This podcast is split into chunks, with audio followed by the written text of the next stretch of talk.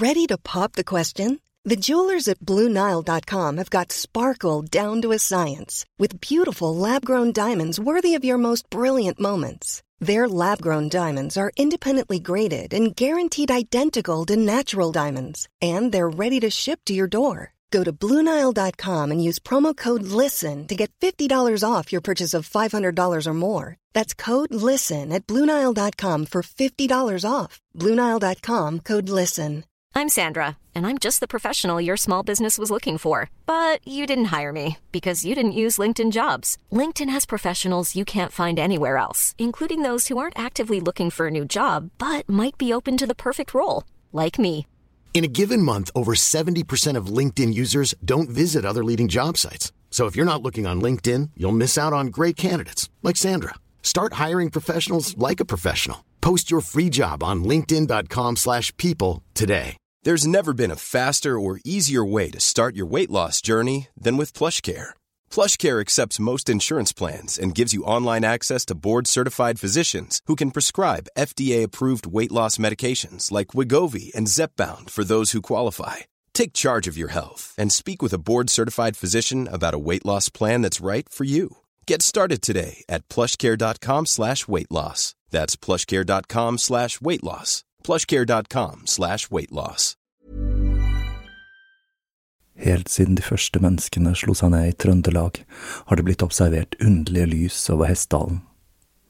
Fenomenet har blitt forsøkt bortforklart som syner sett av bygdetullinger og deliriske hallusinasjoner forårsaket av den lokale drikkekulturen. Men det skulle vise seg at fenomenet stakk langt dypere, når Hessdalen-fenomenet fikk verdensomspennende oppmerksomhet i ufo-miljøet på 1980-tallet. Fenomenet er fremdeles der, og det er fremdeles like uforklarlig som den gang. I 2024 kommer en podkastserie i seks deler produsert av Project Hessdalen, som kanskje en gang for alle skal finne svar på hva som rører seg på himmelen i denne bortgjemte dalen i Trøndelag. Serien har som seg hør og bør fått tittelen A Blaze in the Northern Sky, og den kommer til din favorittpodkastavspiller i 2024.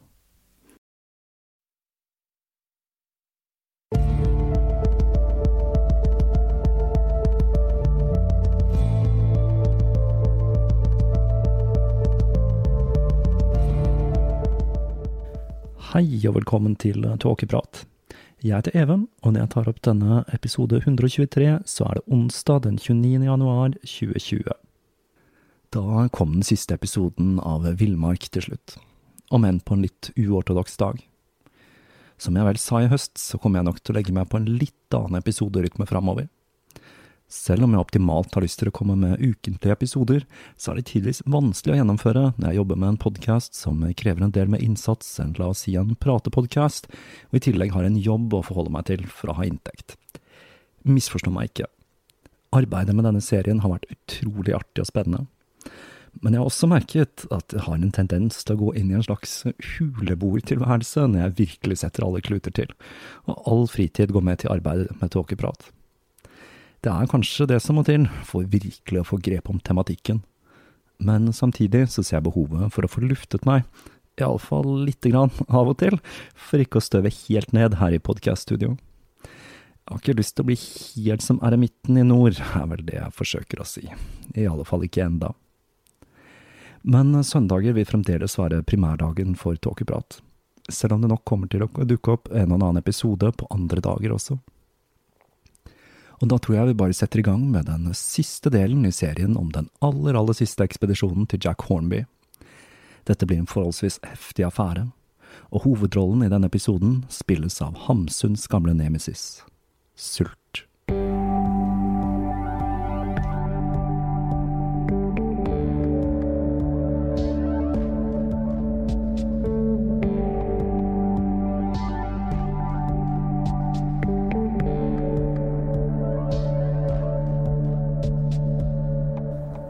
Mens august ble til november, ble dagene kortere, og tilværelsen til de tre dreide seg kun om å få fatt i nok mat. Edgars dagbok ble mer og mer en fortelling om sult. Alt de foretok seg utenom jakt og fangst, ble sett på som bortkastet tid. Selv når Harold lagde en kortstokk for å prøve å lette stemningen litt, så skriver Edgar at han skulle ønske at det ikke var tid til å spille kort. Den 25. Eh, november var temperaturen minus 26 grader celsius. De forsøkte å fange ryper ved å henge opp nett i trærne, for så å forsøke å støkke fuglen og fange dem på den måten. Men dette var ikke en stor suksess, siden Jack hadde hengt opp nettene på feil måte. Og igjen ble vi minnet på hvordan han nok ikke helt levde opp til ryktet som en dreven jeger og fangstmann. De hadde hatt noe fiskelykke, men når Edgar og Jack telte over fisken de hadde lagret den 27. november, så talte de 60 stykk. Edgar noterte i dagboken at dette ville holde til ca. to uker, og om de ikke hadde jaktlykken med seg, så var de ille ute. Selv den tidligere optimistiske Edgar begynte nå å ta alvoret innover seg. Dette kunne bli deres aller siste vinter. Den 2. desember løyet været litt, og Jack og Harold dro til utposten de hadde satt opp i håp om at det kunne være noe vilt i området der. Edgar ble igjen i hytta, og i tillegg til å sjekke snarene og rypenettene, så begynte han å legge gulv i hytta for å få tiden til å gå. Han følte seg ensom uten følgesvennene, og ingen av snarene ga resultater, mens det stadig ble kaldere. Temperaturen var nå nede i 37 minusgrader. Han begynte å kjenne på den gnagende sulten. Den bitte lille biten med fisk og bannock, dette skotske brødet altså, var langt nok, nok til å stagge sulten som gnagde og minnet ham på at de nå var overlatt til seg selv og til villmarken. Etter tre dager kom Jack og Harold utslitte tilbake med nedslående nyheter. De hadde ikke klart å felle noe vilt. Neste morgen bestemte Jack seg for å fortelle de to andre om bekymringene sine. Han fortalte at nå var de ute å kjøre.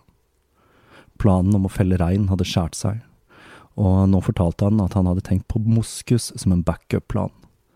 Men på turen til han og Harold hadde de oppdaget at disse territoriale dyrene faktisk hadde flyttet seg fra området, og det var ingen å se. Det var svært få pattedyr i området, til og med ikke ulv. Snarefangsten og forsøket på å fange rype med nett ga også labre resultater, og selv fiske begynte å bli vanskeligere ettersom isen ble tykkere og tykkere. Kort fortalt, de var i trøbbel. Jack sa at de måtte bruke en annen strategi.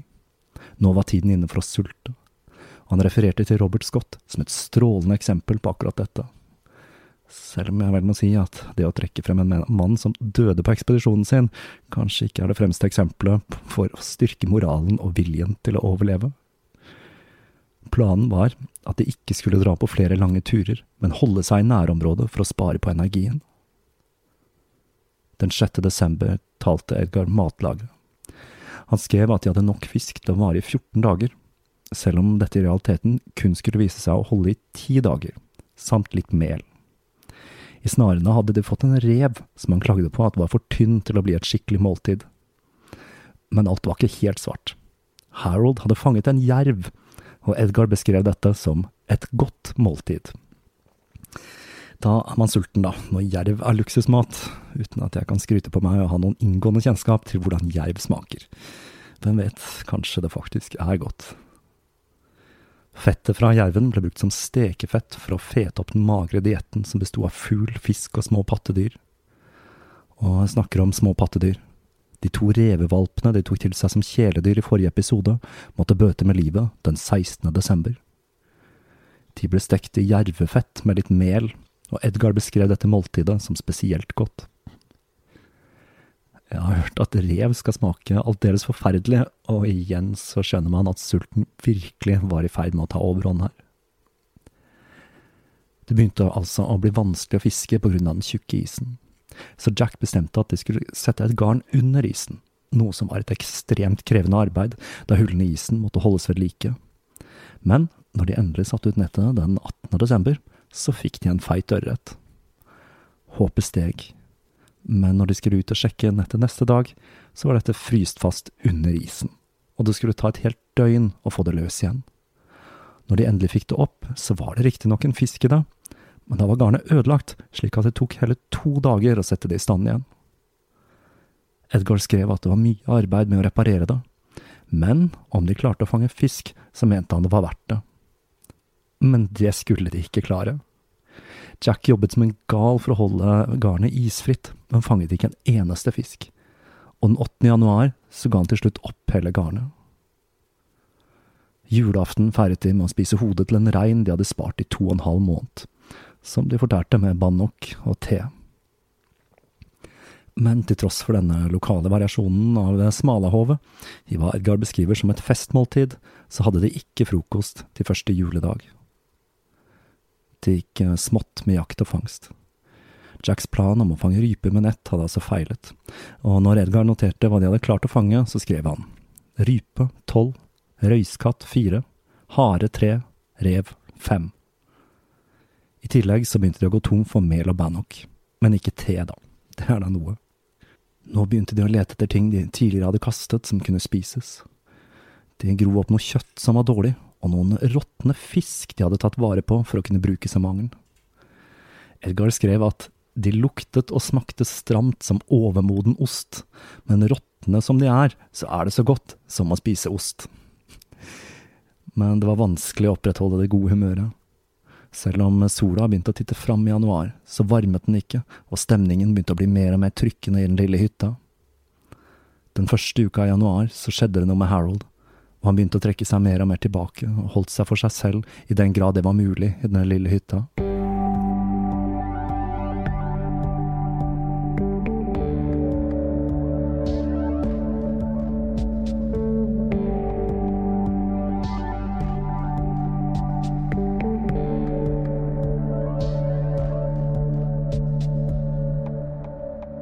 Hva som skjedde med Harold er litt vanskelig å si. Det var jo selvsagt sulten og kulda, men det kan tenkes at dette var det første tegnet på brakkesyke, og at den nitriste, harde tilværelsen hadde begynt å tære på psyken hans. Kanskje han følte seg litt tilsidesatt, siden de to andre var i familie og hadde slikt nært bånd.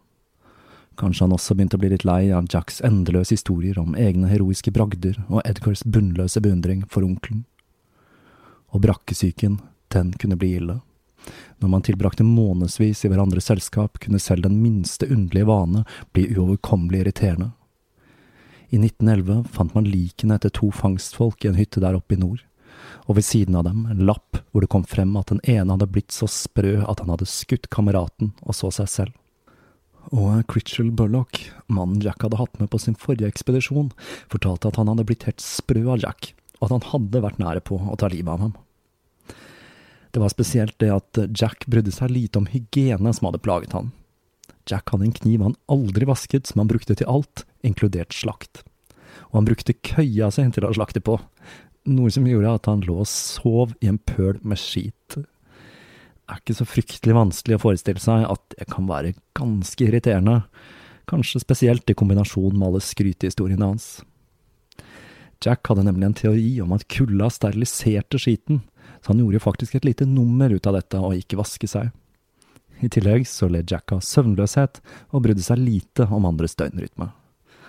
Jeg kjenner jo at jeg blir litt irritert bare av å fortelle om dette, så jeg tør ikke tenke på hvordan det ville være å bo med han i hytta isolert i det mørke nord. Det kan også tenkes at Edgar følte at Harold utfordret kunnskapen og autoriteten til Jack, og at dette skapte ytterligere gnisninger i hytta for Jack var ganske uklar når de spurte om sjansene de hadde til å overleve. Han fortalte at de ikke kunne forvente regn før slutten av mars, men at reven ville komme tilbake når den verste kulda hadde gitt seg. Januar var den verste måneden der oppe, men etter det så kunne de forvente svingninger i været som ville gi dem en ny sjanse til å få fylt matlageret. Den 12. januar sjekket de igjen matbeholdningen. De hadde nok jervefett til to måneder, nok mel til 20 dager og kjøtt til én dag, pluss noen beinrester. Temperaturen begynte å svinge alt i midten av januar. På det varmeste var det minus 27, men temperaturen stupte også ned mot minus 47. Da snakker vi kaldt, altså. Jack lærte dem hvordan de skulle vri den siste næringen ut av bein ved å knuse dem til beinmel og koke kraft på dette. Det virker som om Harold lysnet litt utover januar, til tross for den alvorlige situasjonen og sprengkulda og den 27. januar så hadde han jaktlykken med seg og klarte å skyte fem ryper.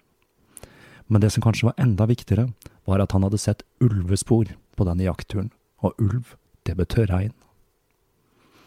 Og den 1. februar så hadde de hellet med seg.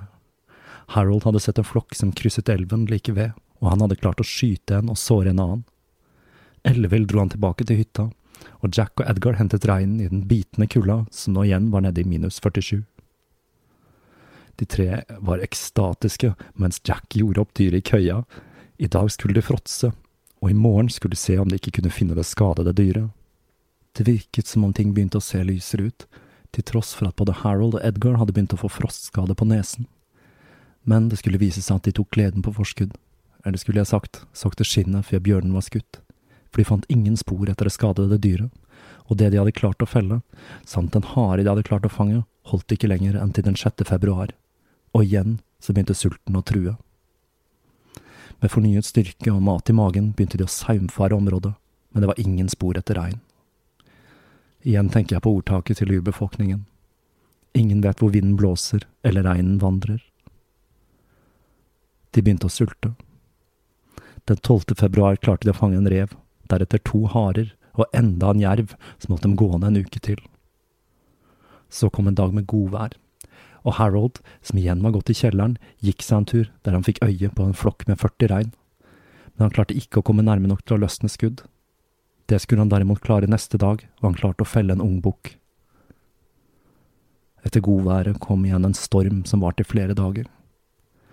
Edgar skriver i dagboken at han satte pris på det å kunne være inne og hvile, mens Harold begynte å stille spørsmål ved hele denne planen om å holde seg så nær i hytta som mulig, og stemningen ble igjen trykkende, til tross for at de hadde mat. Jack mente det var verdt et forsøk å dra tilbake til utposten, nå visste de jo at det var regn i området. Den 5. mars så dro han og Harold og etterlot Edgar i hytta sånn som sist. Men allerede neste kvelden så kom Jack tilbake alene. Han sa at de trengte å ha med seg Edgar også, så motvillig ble med da han begynte å få store problemer med den intense kulda. De tok med seg pakksekker for å få plass til alt viltet de håpet Harold hadde klart å felle i mellomtiden. På den fem timer lange gåturen dit så så de spor etter rein. I tillegg så fant de en jerv som de hadde klart å fange i en av snarene. Men eh, når de kom frem, så viste det seg at Harold kun hadde klart å felle fire ryper. Med kun fire ryper og en jerv til proviant, så diskuterte de situasjonen og de kom frem til at de skulle legge ut på en tredagers tur vestover på jakt etter rein og moskus i det området de hadde sett moskus tidligere. Dette var et dristig forsøk, de visste det, men dette var den ene muligheten de hadde om de ikke ble lidende sakte sultedød i hytta. Den 10. mars pakket de sekkene og satte kursen vestover. Men snøen begynte å lave ned, og med knapt en meter sikt så gikk de seg vill nesten med en gang. De kom til en stor innsjø og håpet at de kunne finne tilbake til elva ved å følge den. Men det gikk svært sakte, og det å gå de seks kilometerne over den frosne innsjøen, som var Axcut Lake, tok dem tre timer i det tette snøværet, og det hjalp vel heller ikke på tempo at de var halvt ihjelsultet og bar på tung oppakning. De så spor etter reinsdyr som gikk nordover, men ingen dyr, og klokka 17.00 slo de leir. Kveldsmaten den dagen besto av reinskinn Edgar sov dårlig, mens Jack og Harold var våkne hele natta. Dette var noe de gjorde med vilje. Om bålet skulle slukke, så ville de tre fryse i hjel. Men hvorfor de tre ikke sov på skift, det er jeg ikke helt sikker på. Neste dag fortsatte snøen å lave ned, og de ga opp. Den eneste måten de kunne overleve på, var å komme seg tilbake til hytta via utposten. Etter en frokost, som også besto av reinskinn, så begynte de på den lange veien hjem. Som jeg forstår det, så stekte de disse regnskinnet og brukte den siste resten av sukker de hadde, for å klare å få det hele ned. Etter en strabasiøs ferd i snødrevet kom de tilbake til utposten. Edgar sovnet momentant, mens de to andre forble våkne for å holde liv i bålet gjennom natten. Neste dag blåste det opp til orkan, og de ble værfast i teltet. For å få seg noe å spise, så fant de en dyrehud på lageret, som de en gang i tiden hadde tenkt til å bruke som bunnduk i teltet. Denne var nå den eneste maten de hadde. Stormen begynte å avta neste dag, etter enda en søvnløs natt, og den femtende pakket de med seg det de klarte å bære fra utposten, de regnet nemlig med å ikke komme tilbake igjen dit. Turen tilbake var et helvete. Været var hardt, og de var nødt til å holde seg langs elva på grunn av dette. Det var to og en halv mil å gå til fots i isødet, og de måtte komme frem før natten falt på. Om natten kom, ville de dø. De presset på selv etter mørkets frembrudd, men den dype snøen gjorde at de var nødt til å kaste all unødig bagasje. De kom fram til hytta klokka 22 etter en ti timers strabasiøs ferd gjennom snøen.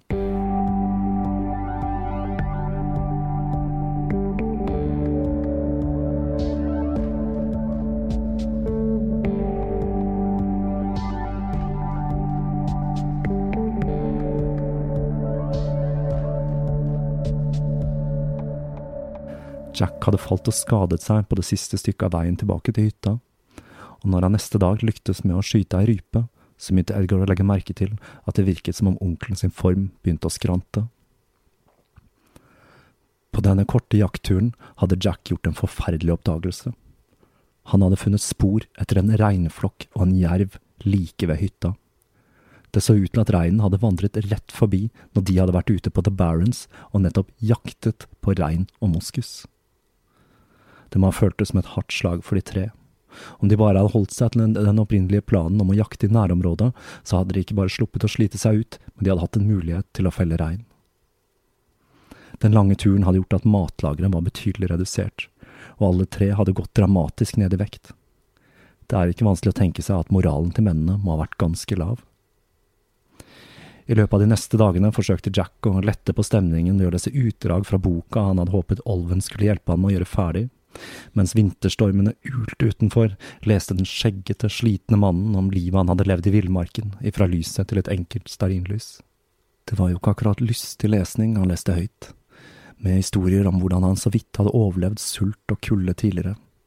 Men det kan jo tenkes at han gjorde dette for å formidle at det var lys i enden av tunnelen, om de bare var standhaftige og taklet sulten og det psykiske presset, There's never been a faster or easier way to start your weight loss journey than with PlushCare.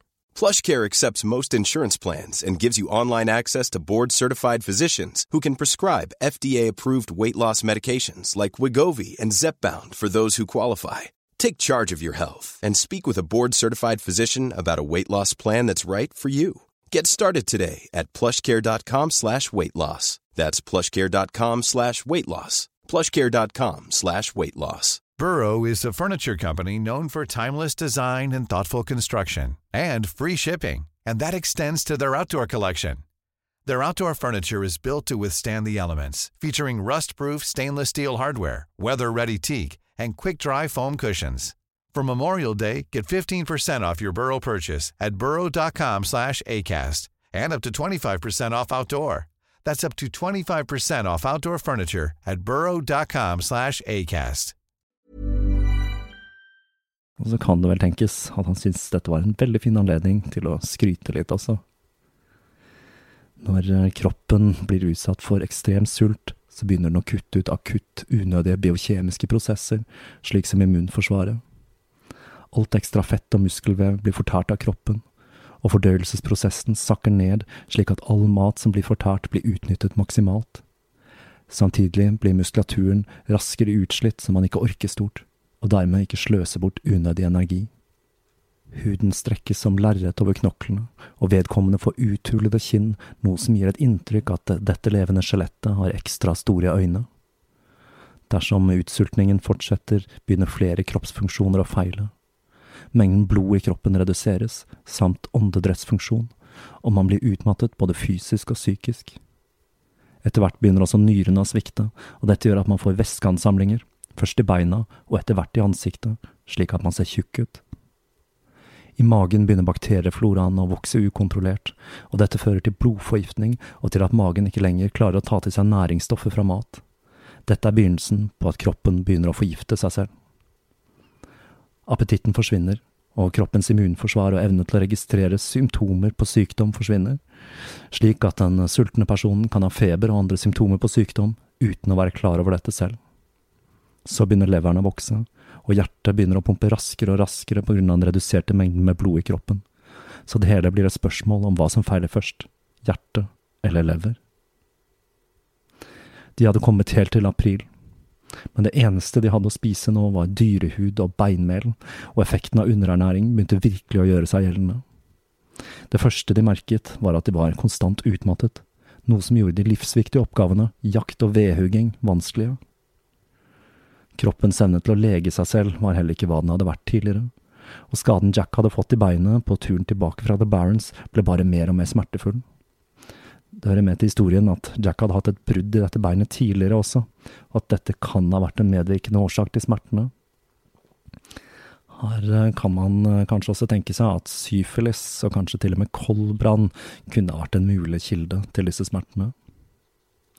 Matlageret besto nå av fire jerveskinn og rester som fiskeavfall og innvoller de tidligere hadde kastet, men som de hadde sett seg nødt til å grave frem igjen fra snøen. Jack var besatt av tanken på reinen som Harold hadde skutt den 1. februar, og at magesekken fra dette dyret kunne ligge under snøen. Den 2. april haltet han seg tilbake til plassen, men fant ikke annet enn litt frossent blod. De spiste dette blodet, som Edgar skrev at var utmerket snacks. Men Jack ville ikke gi opp letingen til tross for at Edgar forsøkte å stoppe han da han var redd for at onkelen kom til å dø om han anstrengte seg ytterligere. Men til tross for Edgars tårevåte forsøk på å få Jack til å la være, så bega han seg haltende ut i isødet igjen den 4. april. I fire timer, delvis hinket og delvis krabbet han gjennom snøfonnene. Når han kom frem til plassen der han mente slakteavfallet burde være, så gikk han systematisk til verks. Men han fant ingenting, og konkluderte med at den måtte ha blitt tatt av en jerv. Han tok seg tomhendt tilbake til hytta, og selv om han fremdeles var i live, så var det som om han hadde mistet noe av livsgnisten på denne turen ut i The Barrens. Harold begynte også å rakne, og oppførselen hans ble stadig mer underlig. Han klaget over hvor dårlig han følte seg, men til tross for dette så klarte han å hente vann og ved, og grave etter matrester de tidligere hadde kastet. Edgar skriver at han syntes det var dårlig gjort av Harold å klage når Jack var i så store smerter, han innså rett og slett ikke at både Harold og han selv slett ikke var i stort bedre form enn den døende Jack. Den 6. april tok Jack sin siste tur utendørs for å jakte rype, uten resultat. Den 7. april lettet været litt, men tilstanden til de tre var så medtatt at selv den minste vind påførte dem så store smerter at de ikke maktet å jakte. Edgar var nok den som taklet sulten best fysisk. Dette kan ha skyldtes at de to eldre mennene hadde tatt på seg brorparten av arbeidet frem til nå, og det var kanskje derfor de to begynte å rakne først. De var nå for svake til å felle trær, og de hadde begynt å hugge opp boden for å bruke denne som brensel. Edgar og Harold satt døgnet rundt, tett inntil ovnen for å holde varmen, mens Jack lå i køya med feber. Han hadde fått poikiloterma. Han var ikke lenger i stand til å regulere kroppstemperaturen sin, enda et symptom på utsulting. Jack visste han kom til å dø, så han dikterte testamentet samt to korte brev til familien over de neste to dagene. Etter dette så begynte han å instruere de to om hva de skulle gjøre når han gikk bort. Han sa at Harold, som var den beste jegeren, burde bruke mest mulig tid på jakt, og forsøkte å få, ta, og forsøke å få tak i denne reinmagen som han selv ikke hadde funnet. Han hadde tydelig glemt at han mente at jerven hadde tatt den, da.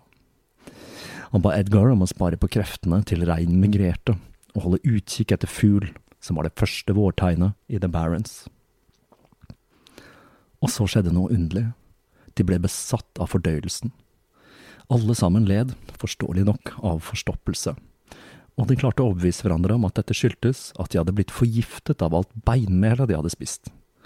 For å løse dette så hadde de konstruert en klysterpumpe av et glassrør, og alle tre brukte dette flittig. Men Jack var så forstoppet at selv dette verktøyet, som jeg mistenker egentlig gjorde alt verre, ikke ga ønsket resultat. Alt Jack kunne snakke om, var hvor forstoppet han var, og Edgar administrerte kluster hele natten den 14. til 15. april, men uten ønsket resultat. På dette tidspunktet så begynte Jack å bli euforisk, og det var kanskje passende, for neste morgen så klarte Harold å skyte en rype, og de fikk det første ordentlige måltidet de hadde hatt på lang, lang tid. Men dette hjalp ikke Jack.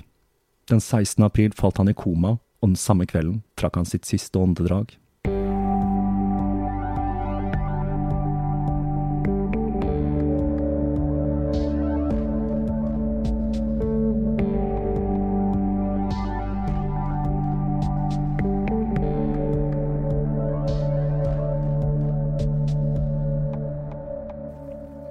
Harold forsøkte å trøste Edgar, som sank sammen i gråt ved siden av køya til onkelen, som endelig hadde funnet fred.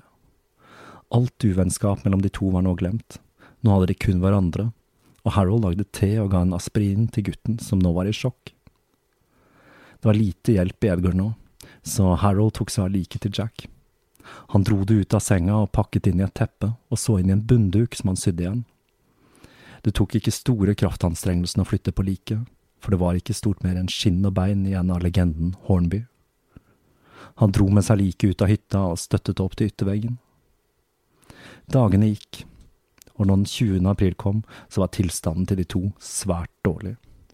Edgar begynte å innse at Harold var svært syk, og han hadde problemer med å spise den vesle maten de hadde. I dagboken skrev Edgar. Stakkars Harold er så tynn og svak. Jeg er ikke så tynn og svak, og har faktisk gjort litt mer de siste dagene, i alle fall med tanke på fysisk anstrengelse. Igjen så var det fordøyelsen som var det store fokuset. Edgar hadde begynt å skrive lange utgreininger om avføring og kluster, og han skrev at de trodde forstoppelsen skyldtes en blanding av benmel og jervehår. De ble enda mer paranoide når magene deres begynte å ese opp, noe som skyldtes en oppbygning av gass i tarmene. Dette overbeviste dem om at dersom de klarte å skylle ut av tarmkanalen skikkelig, så ville de få mer styrke til å jakte, og de brukte unødig mye energi på å administrere kluster. Edgar fant fornyet styrke, og han begynte å lete etter rester som de hadde kastet tidligere, og han fant blant annet innmat fra en fisk de hadde sløyet, og restene etter en av kjæledyrrevene de hadde slaktet. Men disse små ekskursjonene på jakt etter mat var kun unntaksvise aktiviteter. Nå brukte de det meste av tiden på å ligge eller å sitte, mens de forsøkte å være så komfortable de kunne, med bein som stakk ut av huden når de ikke lenger hadde fett eller muskler til å beskytte dem, mens flere og flere av symptomene på underernæring begynte å melde seg på rekke og rad. Harold gikk sjeldnere og sjeldnere ut av køya. Den 27. april la Ergård merke til at hans venstre side virket svakere enn den høyre, noe som mest sannsynlig indikerer at han hadde fått slag som en følge av den ekstreme påkjenningen på kroppen. Edgar gjorde det han kunne for å holde liv i vennen ved å grave etter mat og hjelpe til med kluster. Den 2. mai så fikk han eh, noe som enten var enda et slag eller hjertestans, og på samme måte som med Jack så ble dette fulgt av en periode med eufori, og han fortalte at han følte seg mye bedre enn før, før han falt i koma og døde kvelden den 3. mai. Nå var Edgar så alene som noe menneske noensinne har vært. Edgar lukket øynene til Harold og la armene i kors og dekket liket med et teppe. Det var alt han orket å gjøre før han krøp opp i sin egen køye og falt utmattet i søvn. Neste dag begynte han på jobben med å pakke inn liket og få det ut av hytta. Han hadde nesten ikke krefter igjen, så han måtte rulle det ut av køya, og på et eller annet vis så klarte han å pakke det inn og fikk dratt det ut av hytta der han satt ved siden av Jacks. Med begge reisekameratene døde så fant Edgar fornyet styrke. Nå hadde han en grunn til å overleve, han skulle fortelle verden om sin onkels heroiske endelikt. Han innså at han ikke var i stand til å jakte, og han fortsatte å grave etter rester. Den 5. mai skrev han at han hadde funnet en jervemage samt nyrer, hjerte og lever og en revemage. I tillegg så hadde han funnet noen bein og nok fiskerester til ett måltid. Han var fast bestemt på å overleve. Han rasjonerte maten som best han kunne, mens han var på konstant utkikk etter fuglene Jack hadde fortalt ham var det første vårtegnet her i nord. Han ladet alle tre riflene, slik at han skulle være klar til å skyte dersom det skulle dukke opp noe vilt, og den 6. mai hadde han flaks, og han fant en haug med slakteavfall fra den første tiden de hadde tilbrakt der. Dette var langt mer næringsrik mat enn han hadde spist den siste tiden, og etter dette måltidet så falt han i dyp søvn i ti timer. Når han våknet, så følte han seg uthvilt og klar i hodet. Men da han begynte å betrakte sin egen kropp, ble han klar over hvor tynn han var blitt, og han skriver at leddene hans ble dratt ut og inn av stilling framfor å bevege seg jevnt slik de skulle. Dette er enda et symptom på ekstrem sult. Leddene blir ustabile fordi kroppen ikke lenger har noe bløtt materiale til å dempe bevegelsen, noe som gir følelsen av at beina gnisser mot hverandre. Med det næringsrike slakteavfallet og den lange søvnen ble Edgar for første gang klar over at han var et vandrende skjelett, en levende død. Mennesker er ikke ment å skulle føle sitt eget skjelett, og dette ble for mye for Edgar, som i fornektelse kokte i hop en forklaring om at dette fenomenet skyldtes at de hadde gått for mye rundt på truger etter å ha spist beinmel. For å bøte på dette, så tydde han daglig til klystersprøyten som han fylte med såpevann for å skylle alle rester etter dette fryktede beinmelet ut av kroppen. Det virker som han etter hvert innså at denne besettelsen med avføring og klyster kunne virke noe underlig for lesere av dagboken hans. Og han unnskylder seg med at dette er noe han skrev da han mente at dette var spesielt viktig, fordi han var sikker på at dette var det som hadde drept Jack og Harold. Alt gikk saktere nå, det krevde en enorm kraftanstrengelse å skrive dagboken, bare det å administrere klyster tok flere timer. En dag landet det fire ryper like utenfor hytta. Med en umenneskelig kraftanstrengelse grep han den ene rifla og fyrte av. Smerten av rekylen mot skjelettet må ha vært grusom, og han hadde ikke nubbsjans til å treffe en av de små fuglene med rifla før det flakset av sted. Igjen så kan vi undres hvorfor de ikke hadde med seg hagle i oppakningen. Den 9. mai begynte han å føle seg svært dårlig, og han utviste symptomer på noe som kan ha vært nyre- eller urinveisinfeksjon. Han følte seg usedvanlig kald, selv om temperaturen nå var oppe i tolv minusgrader. Men ikke så fælt at det ikke var godt for noe. Han klarte å gjøre fra seg, noe han var svært stolt av. Igjen så ser vi denne besettelsen med avføring. De neste ti dagene fortsatte Edgar å notere temperaturer og værforhold men til tross for at det gradvis ble varmere i været, så merket ikke Edgar noe til dette på grunn av underernæring. Han frøs konstant. Etter den 13. mai sluttet han å notere temperaturer, noe som var illevarslende, da nettopp disse notatene var noe han hadde vært svært dedikert til for å gi ekspedisjonen et litt vitenskapelig preg. Han var så utslitt at han måtte velge mellom å bruke energien på å hugge ved eller lete etter mat. Eller hugge og hugge, det hadde han ikke krefter til så han samlet flis fra der de tidligere hadde hugget, og han begynte også å hugge opp gulvet og inventaret i hytta. Den 15. mai markerte begynnelsen på våren, og han husket Jack sine ord og var ekstra på utkikk etter tegn til den migrerende reinen.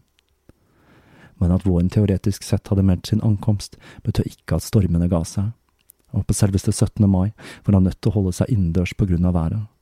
Dagen ble tilbrakt i en tåkelignende tilstand i køya men den neste dagen våknet han til et varmende gult lys som skinte gjennom vinduene. Han rullet ut av køya og krabbet på alle fire og ut av døra. Utenfor skinte sola fra en klar, blå himmel. Han trengte mat nå, og han begynte å saumfare i hytta. Han fant flere tynne bein fra rev, rype og hare, som han metodisk hamret til beinmel han hev i gryta sammen med litt vann for å forsøke å ekstrahere den siste rest av næring fra dem.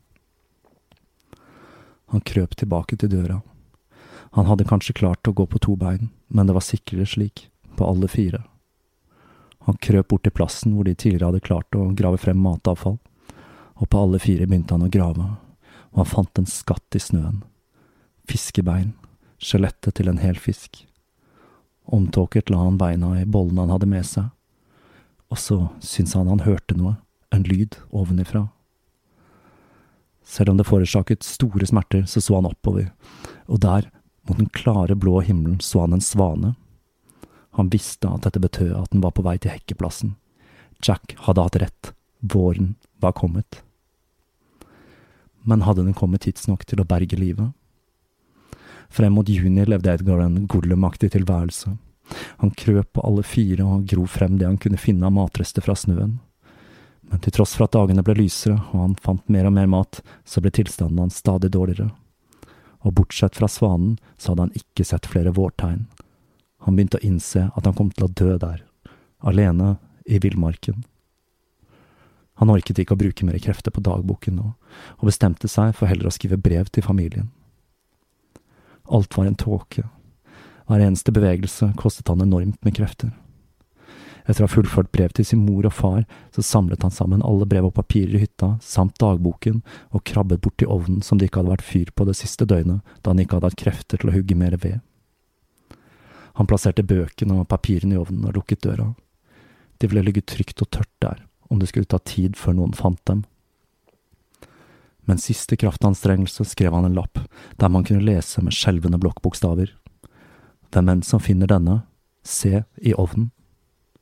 Han boltet døren fra innsiden og krabbet tilbake til køya, hvor han trakk det røde teppet sitt over seg så det dekket ansiktet. Ingenting spilte noen rolle lenger nå. Han lukket øynene og sovnet for aller siste gang.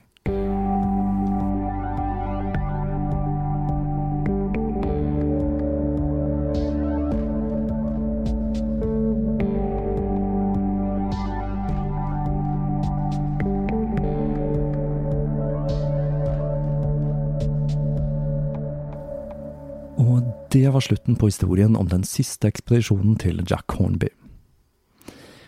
Aller første jeg lurte på når jeg hørte om denne ekspedisjonen, var om de kom til å begynne å spise hverandre. Det gjorde de altså ikke, og det sier kanskje litt om at de faktisk levde opp til dette idealet, om den ærefulle eventyreren som selv i møte med sultedøden gjorde det de kunne for å oppføre seg som gentleman. Som jeg nevnte i forrige episode, så hadde de ikke med seg hunder fordi Jack mente at det ville være en ekstra belastning å fòre på disse, og også fordi han ikke ville utsette dem for unødig lidelse. Det hører kanskje også med til historien å nevne at når han tidligere hadde hatt med seg hunder, så valgte han heller å sulte framfor å spise dem, selv når de uansett måtte avlives. Men det er vel liten tvil om at denne ekspedisjonen tok unødige sjanser, og selv om de forsøkte å få det hele til å fremstå som en slags vitenskapelig ekspedisjon, hvor de også skulle gjøre store penger, så virker det hele på meg som om dette var Jack Hornbys siste forsøk på å leve opp til legenden han hadde skapt om seg selv. Og samtidig litt for å vise fingeren til sivilisasjonen som stadig bredte om seg i villmarken han var så glad i. I denne siste episoden så har vi også sett hvordan denne ekspedisjonen sakte, men sikkert begynte å klikke av sult og isolasjon. Nå er ikke akkurat dette mitt fagfelt, men jeg føler meg ganske sikker på at denne besettelsen med avføring og klyster var et tegn på at det begynte å rakne for dem, og at de forsøkte å finne en forklaring på hvorfor de sakte, men sikkert sultet i hjel, som ikke hadde med det faktum å gjøre at de forsøkte å overleve på dyrehuder og avfall. Likeså er jeg ganske sikker på at man ikke kan dø av å spise beinmel og gå på truger. Da var altså årets første serie i boks. Jeg satser på at neste episode av Tåkeprat kommer søndag den 9. februar. Jeg har ikke helt bestemt meg enda for om dette blir en enkeltstående episode, eller starten på den neste serien jeg har planlagt. For jeg har nemlig et gullkorn av norsk krigshistorie på lur, og dette er et tema jeg har hatt på lista helt siden podcastens tilblivelse høsten 2016. Så får vi se hva det blir til.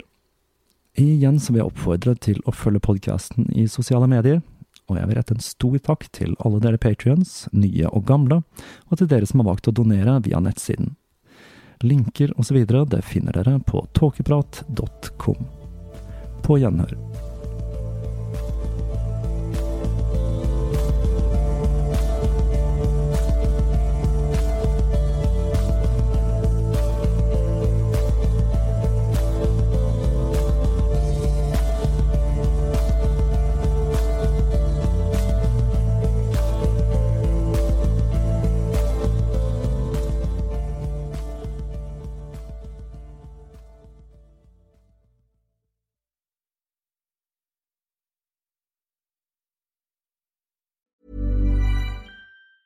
Even on a budget, quality is non-negotiable. That's why Quince is the place to score high-end essentials at 50 to 80% less than similar brands. Get your hands on buttery soft cashmere sweaters from just 60 bucks, Italian leather jackets, and so much more. And the best part about Quince, they exclusively partner with factories committed to safe, ethical, and responsible manufacturing. Elevate your style without the elevated price tag with Quince. Go to quince.com slash upgrade for free shipping and 365-day returns. Planning for your next trip? Elevate your travel style with Quince. Quince has all the jet-setting essentials you'll want for your next getaway, like European linen, premium luggage options, buttery soft Italian leather bags, and so much more. And is all priced at 50 to 80% less than similar brands. Plus, Quince only works with factories that use safe and ethical manufacturing practices. Pack your bags with high-quality essentials you'll be wearing for vacations to come with Quince. Go to quince.com slash pack for free shipping and 365-day returns.